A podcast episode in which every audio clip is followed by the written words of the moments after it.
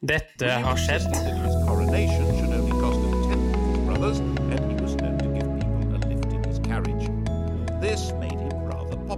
Generation X versus Z. Sandberg Productions presenterer den ekte samtalen om og med generasjon X og Z. Hold deg fast og nyt. Hei, hei, kjære lytter, og hjertelig velkommen til dagens episode av eh, Generation X versus Z. Og i dag, kjære kompanjong, ja, halla. så skal vi snakke om det desidert mest kjente kongeparet i engelsk historie. Det er formening om Victoria den første, iallfall. Riktig. Og, og gift med Prins Albert. Alberten. Ja, han uh, så ut som uh, sånn jeg ser ut i dag, bare litt høyere og litt uh, finere. Hva som ser ut som deg? Ja, han Åssen da? Nei, han hadde litt lengre ansikt, eh, var litt høyere, Okay. litt uh, finere skjegg. Ja. Mørkere hår. Uh, bare så det er sagt, jeg har veldig mye skjegg i dag. Uh, Ja, det vil jeg si. Jeg kaller sønnen min noen ganger for Ahmed. Ja, akkurat. Og det som er veldig interessant her, det er at han ble jo da beskrevet av denne dronningen da, som veldig kjedelig. Ok. Det kommer vi litt mer inn på. Å ja, men var ikke han fra Tyskland opprinnelig? Ja? Riktig. Han kom, eh, kom fra Tyskland opprinnelig, men var på et statsbesøk i England i 1836. ja. Og der eh, fikk jo av mors piler skutt, da. Ja. Og da ble det sånn det ble. Da ble det sånn det ble. Ja. Eh, og så har jo du sagt ved diverse anledninger at eh, det å gifte seg mellom eh, søskenbarn, at det ikke er incest. Altså, Én ting er moralen her, etikken her. altså Bør man gjøre det eller ikke? Noe ting er den det juridiske aspektet med det. Ja, At man får lov eller ikke. ja, men det jeg vil ha fra deg nå, det er Ja. din personlige mening. Ikke hva jussen sier, eller Nei. hva moralen sier. Det jeg vil ha, er din mening. Eh, Jeg har egentlig ikke noen personlig oppfatning av det. Rett ærlig. Nei. Da kommer vi mer inn på det. Ok. Eh, Men hva er historien bak det du ønsker å fortelle nå? Nei, det er jo en uh, kroningsfadese da i 1837 som uh, var Ja, Fadese? fadese, ja. Hva skjedde? Bring it on! Som jeg nevnte så vidt her i forrige episode. Som eh, Ja, du tenkte på faktisk eh, Vi skulle ikke tro det, men det temaet var brudekjolen. Riktig. Eh, og du sa noe interessant i den episoden. Ok, hva da? Nei, det var at du hadde sett en som hadde gått i en svart brudekjole i 2022. Ja, det stemmer det. Utafor rådhuset i Fredrikstad. Ja. I all verden! Det var noe nytt. Ja, men eh, nå skal vi høre litt, da. Hva Ja. opphavet til den trenden var, og hvordan det ble mottatt når den ble satt. Kjør på. Ja.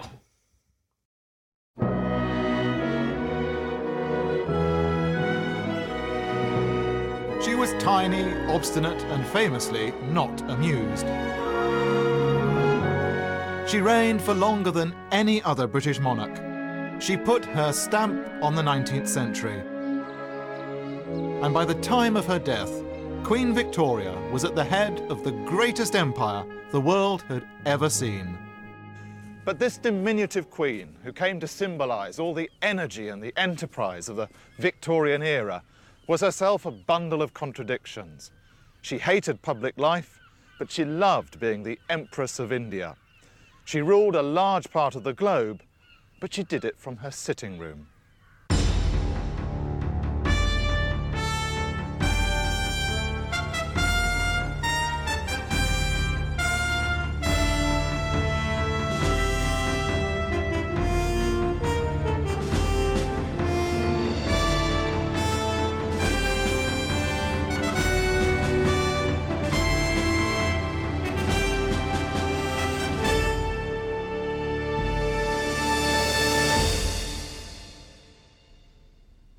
Victoria was born in 1819 into a Hanoverian world of elderly gentlemen who ran the country. As a child, she watched her uncles, George IV and William IV, leading somewhat disreputable lives. And when, at the age of 12, she realized she herself would one day be queen, she announced, I will be good. She was brought up here at Kensington Palace. She was only six months old when her father died, so for most of her upbringing, she was with a governess. and it was, by her own admission, a melancholy childhood. All the same, one thing was clear that although she was a girl who liked to get her own way, Victoria always needed a father figure. That was why, through much of her long life, she came to depend on a string of male advisers, most of them older than herself, to whom she was utterly devoted. One morning in June 1837, Victoria learned that William IV had died. She was still only 18. Just awake, she went downstairs to meet the Lord Chamberlain and the Archbishop of Canterbury, who informed her that she was now Queen of England. Her coronation was a bit of a farce. One of the attendant lords, going to greet the royal coach, fell down a flight of steps. Then the Archbishop tried to force the ring onto the wrong finger, causing Victoria considerable pain. As the ceremony continued in Westminster Abbey, outside a million people were cheering. They were delighted with their new queen and the promise of a new age.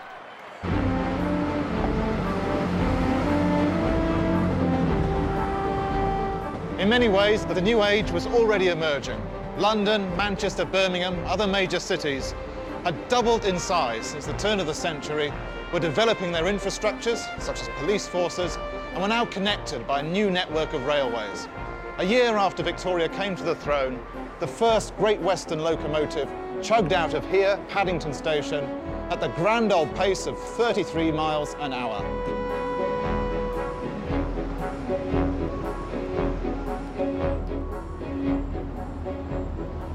Meanwhile, Victoria was eager to make an impression. Her uncle William had warned her to go slowly, not to make any big promises or hasty replies. But Victoria was renowned for her spirit and determination, and anyone who was going to advise her would clearly need a great deal of tact and diplomacy. Many 18 year olds would have been intimidated by elderly gentlemen with years of political experience. But Victoria faced her privy councillors with surprising confidence. She spoke in a small but clear voice, and the elderly gents were swept away. She filled the room, said the Duke of Wellington. Her great adviser was Lord Melbourne, the Whig Prime Minister. He was generous and witty, and they became close. I like him very much and feel confidence in him, she wrote. He is a very straightforward, honest, clever, and good man. Melbourne was devoted to the young Queen, and Victoria valued his advice, but on some subjects she would not budge.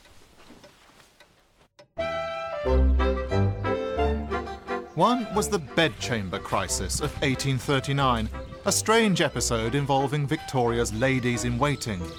In May, Melbourne's government had been defeated and he resigned. The Queen was distraught. All, all my happiness gone, she wrote, in her characteristically melodramatic style. She couldn't face the idea of the cool intellectual Tory, Robert Peel, as her Prime Minister. And when Peel demanded that she change her Whig ladies in waiting for Tories, she refused. Peel then declined to form a ministry, and a rather shamefaced Melbourne crept back to Downing Street. Victoria, of course, was delighted. She regarded it as a victory for the monarchy. She told Melbourne that he'd have been proud of her composure and great firmness. They wish to treat me like a girl, she wrote, but I will show them that I am Queen of England. A classic example of young Victoria misjudging her power and her importance. Within two years, there was a general election. Melbourne was defeated, Peel romped home. The country wanted Peel as Prime Minister, whatever the Queen thought. Her ladies in waiting were irrelevant. But Peel never gained much influence over Victoria, because the Queen found herself a husband. Prince Albert of Saxe Coburg Gotha was three months younger than Victoria and her first cousin. He was the nephew of her uncle Leopold, who was keen on their match. But Victoria wasn't going to be rushed into marriage. She was wary of being bossed about, and she certainly didn't want lots of babies. Victoria's worries melted away only gradually. When they first met in 1836, she liked Albert's manner, but claimed to find him rather dull. Within three years, this had turned into infatuation, and on Albert's arrival in London, the Queen pronounced him beautiful. It wasn't possible for anyone to propose to the Queen of England, so Victoria had to ask Albert. They were married in February 1840, and between then and 1857, despite her reservations, she had nine babies, four sons, and five daughters. Albert became Victoria's confidant and advisor, and he undoubtedly shaped her thinking. He believed that the monarchy should be strictly neutral in politics, but also that it had an immense moral responsibility to watch and control government. That was potentially tricky. Much of this reflected Albert's need for a position. As head of his family, he regarded himself as the Queen's permanent minister. But that word minister caused problems. Albert hadn't been elected, nor was he accountable to Parliament. Well, eventually a solution was found with the title Prince Consort.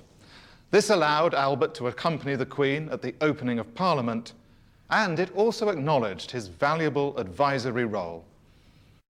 Albert was wise, dynamic, and tireless. A terrible man of business, Victoria called him, and she would despair of the way he threw himself into his projects. One of his most ambitious was the Great Exhibition of 1851.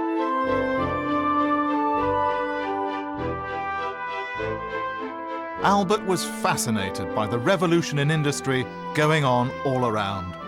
He thought that industrialization would lift people out of poverty.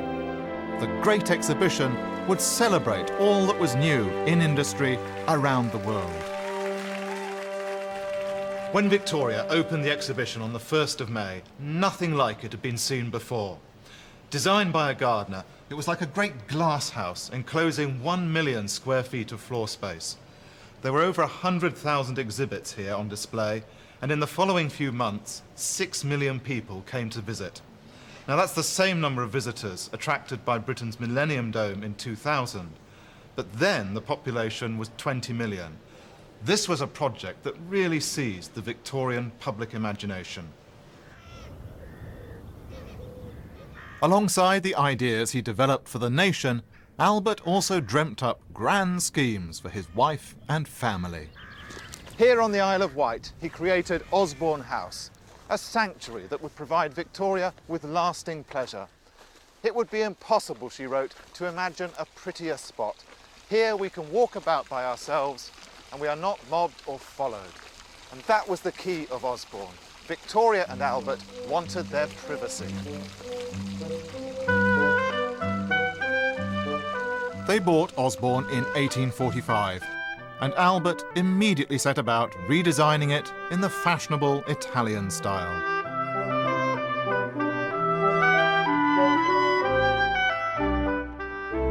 Everything about it was designed to impress. But it was also to be a place to relax, to picnic and paint, to enjoy the picturesque gardens and views over the Solent. And there was a private beach for swimming and boating. It was very much a family home, and Victoria and Albert made a point of spending their birthdays here. These sculptures are some of the presents that they gave to each other. On the day itself, a special room would be set aside for these presents. The children would perform a little drama, and a band would play. It was all very domestic, or to use Victoria's favourite German word, gemütlich, cosy. And these were the happiest years of her life. But in 1861, tragedy descended. Albert died.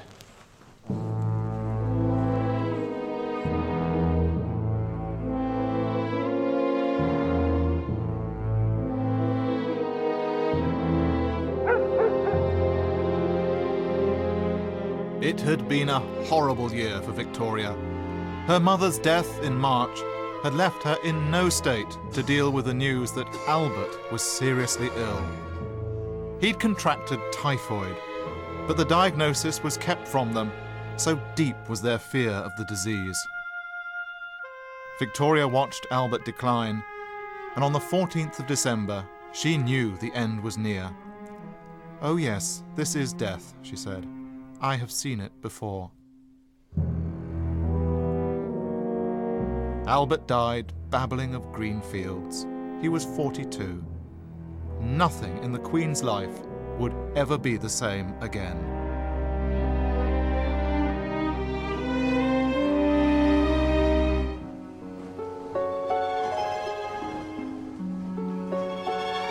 Albert's death devastated Victoria. At first, she surprised the royal household by how calmly she took it. But quite soon, it became clear that her grief was going to be long and complicated.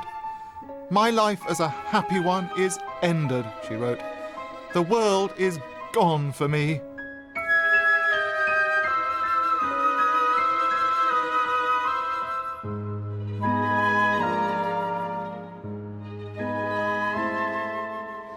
So Victoria went into the strange and the frozen world of the chronically bereaved. She tried to preserve the image and the idea of Albert in as many ways as she could. Monuments were erected to him all over the country. The Royal Albert Hall was built. Museums were created in his honour using money from the Great Exhibition.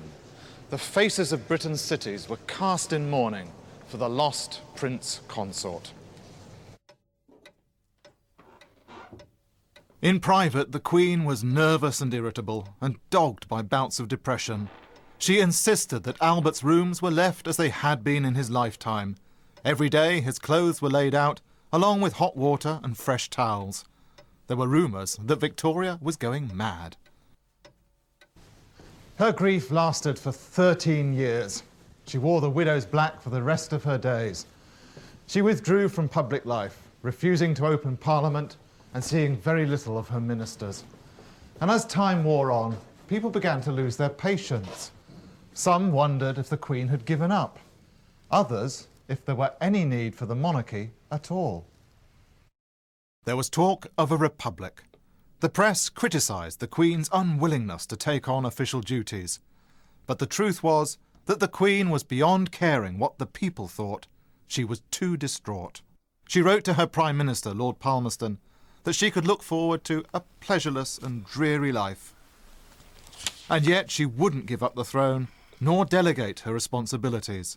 She was appalled by the idea of her gambling, womanizing son Edward sharing in the sovereign's duties. She held Edward partly responsible for Albert's death, if only because Albert had been so distressed by his son's fast life. Obdurate as ever, here was a queen refusing to attend Parliament or to appear in public, but who wouldn't give up the reins of power. And this time, there was no older man around to advise her differently.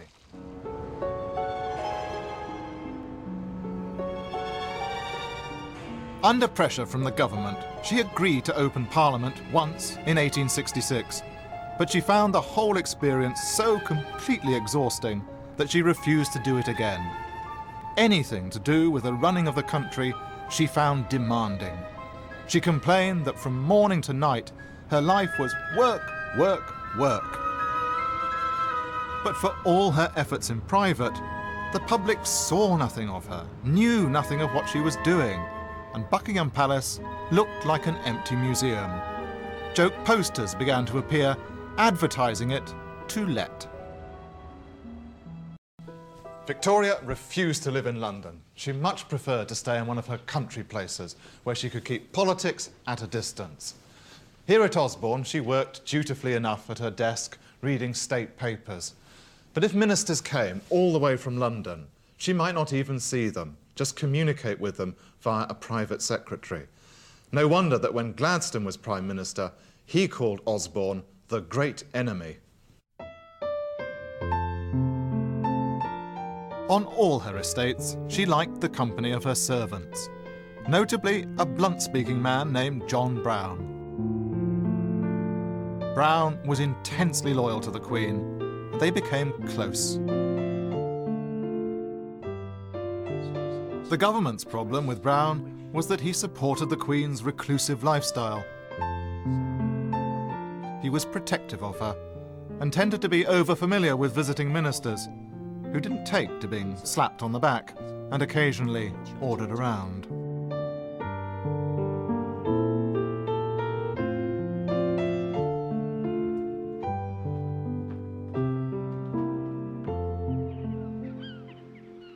It was an arrangement that continually displeased ministers.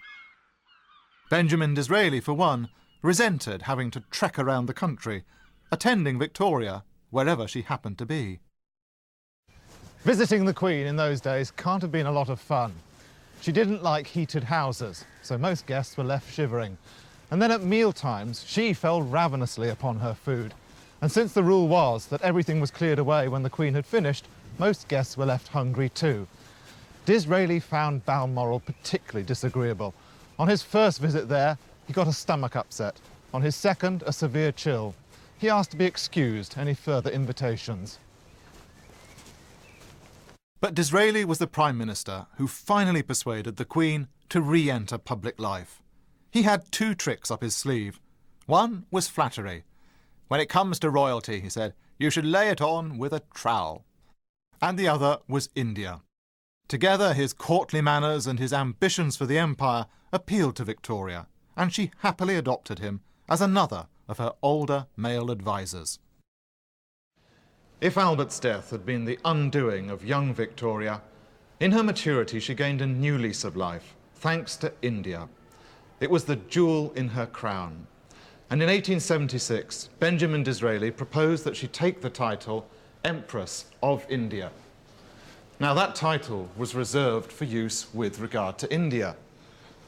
But Victoria loved being called Empress so much that she used it whenever she felt like it. Although in her entire reign she never actually visited India, Victoria was fascinated by Indian culture and the affection of the Indian people for her. The Queen began to take Indian servants into her royal household. Perhaps the best known of these is this man, Abdul Karim. He taught her Urdu and he served as her general advisor on Indian matters. And it's curious that for all the pomp and the circumstance surrounding Victoria's reign, she herself was not too fastidious about social rank. She would happily take a nip of whisky with John Brown. Abdul Karim was the son of a prison pharmacist but he was made welcome here at Osborne.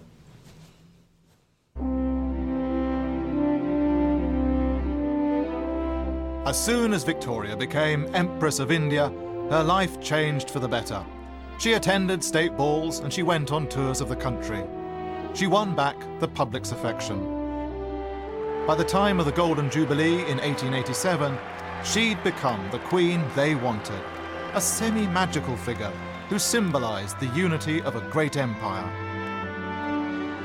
When she drove through the streets of London, huge crowds cheered her on. They seemed to have forgotten all their old resentments.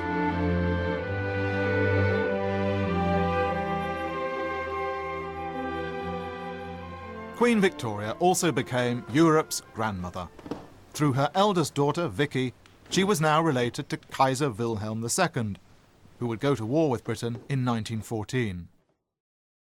And her granddaughter, Alex, married Tsar Nicholas II of Russia, who, along with his family, would be murdered by the Bolsheviks in 1918. In one way or another, she was related to the royal houses of Norway, Sweden, Greece, Romania, Spain, and Mexico. All over Osborne House, there are signs of just how important this family network was to Victoria. She herself had a reputation for being rather a stern mother. She saw herself as responsible for the moral development of her children. But that picture seems to say it all. She carried over the model of family life into her role as queen, where she was the matriarch responsible for the welfare of her subjects, in return expecting their love and respect. By the end, she'd got both.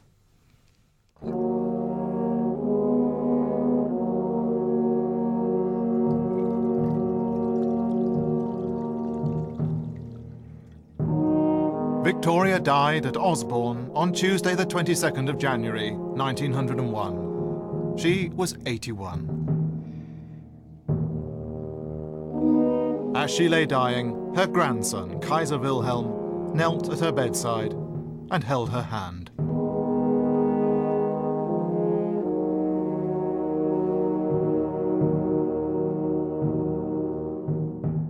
Her long reign had shown that even a determined queen could not stem the tide of parliamentary progress. But it had also shown that monarchy could be important as a symbol of nation and empire, setting the tone for political, social, and family life. The day she died, she was much revered and much missed. As the novelist Henry James said, we all feel a bit motherless today.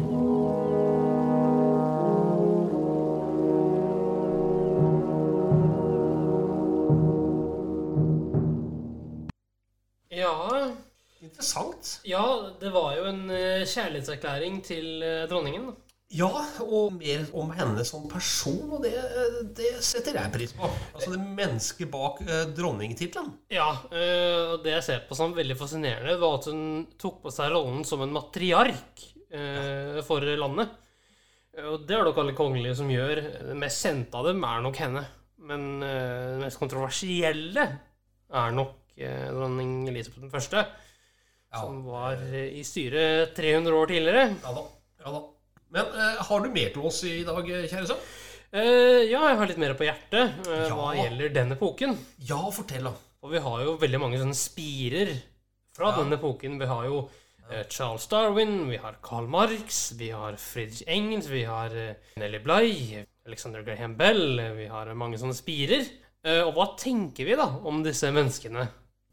Eh, De var jo i sin tid, men kanskje noen av de var også forut for sin tid. Ja, Det var noen spirer som virkelig var, eh, var tøffe. ja eh, Det som var dumt da med Karl Marx, at han døde jo relativt ung. Ja. Ja da. eh, Nelly Bly, kan du fortelle to stikkord om henne? Eh, nei, for det skal vi ha mer om neste uke. Ja. Eh, vi skal ha mer om det, og så skal vi ha mer om livet generelt, da.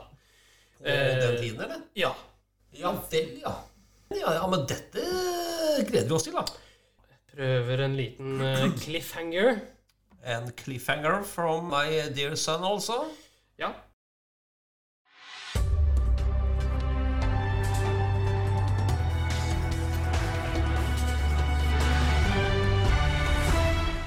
NRK-hjørnet.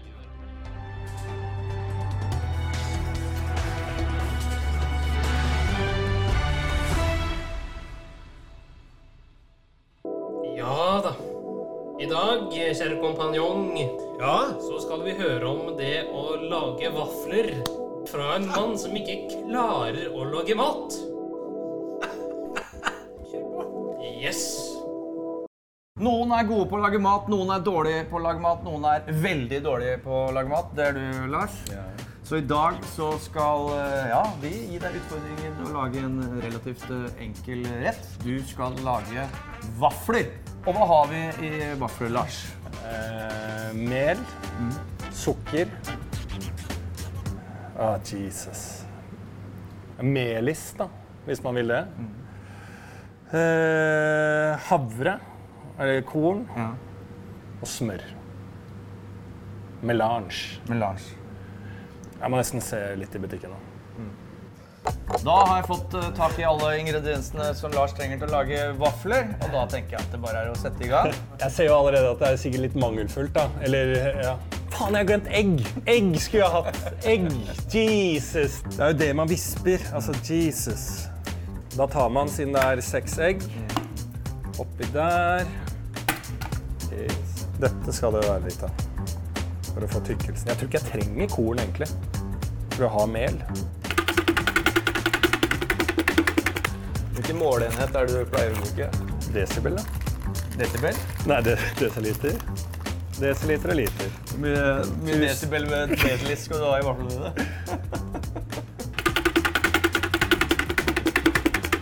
Så er det melangen i den, og litt smør i her. Det er bare for at ikke hvetemelet skal sette seg helt. Vet, jeg aner ikke. Da har du penselen. Nå er det varmt her. Så har Se her, da. Dette ser ikke gærent ut. OK, da tror jeg vi nærmer oss. Ja, nå lukter det omelett her. Nå nærmer det seg vafler. Å ja. For den ser veldig dum ut, eller? Nei, det ser veldig bra ut. Den ser jo bra ut. Ja, ja, ja. Men det jeg liker når det er sånn, så har jeg kjøpt uh, vanillas. Skal ha oppå der. Ja. Og så legger du det ved siden av. Og ikke oppå. Ikke bare lukter det omelett. Den var ikke gæren. Smakte ikke så mye, men den er ikke gæren. Ja, det smaker også omelett. Jeg smakte Kiona-vaffel på Øyafestivalen. Det er ti ganger bedre enn Kiona-vaffelen som de solgte på Øya. Det var drit, det. Det var drit, og det betalte jeg 150 kroner for en Kiano-vaffel. Hadde jeg fått det her i den bua der, så hadde jeg sagt å, de, det var litt, fortsatt litt dyrt med 150 for denne vaffelen, men var faen meg bedre enn den jævla Kiona-vaffelen. Det er helt sikkert. Ja, det var dagens ja, var- hyllest til eh, dronning Victoria og vafler. Ja da. eh, Det er iallfall en stor forskjell på desibel og desiliter. Ja. Ja, det er vel en lærdom her, da, i dagens NRK-hjørne. Ja. Kan det bli bedre? Nei. Da sier jeg tusen takk for i dag, og så bare gleder jeg meg til neste uke. Det blir kjempebra, det. Ha det godt, da. Ha det godt, du. Tusen takk for at du fulgte oss. Gi gjerne tilbakemelding, likes eller kommentar på Facebook-siden vår Generation X versus Z. Velkommen igjen til neste podkastepisode. Hei då!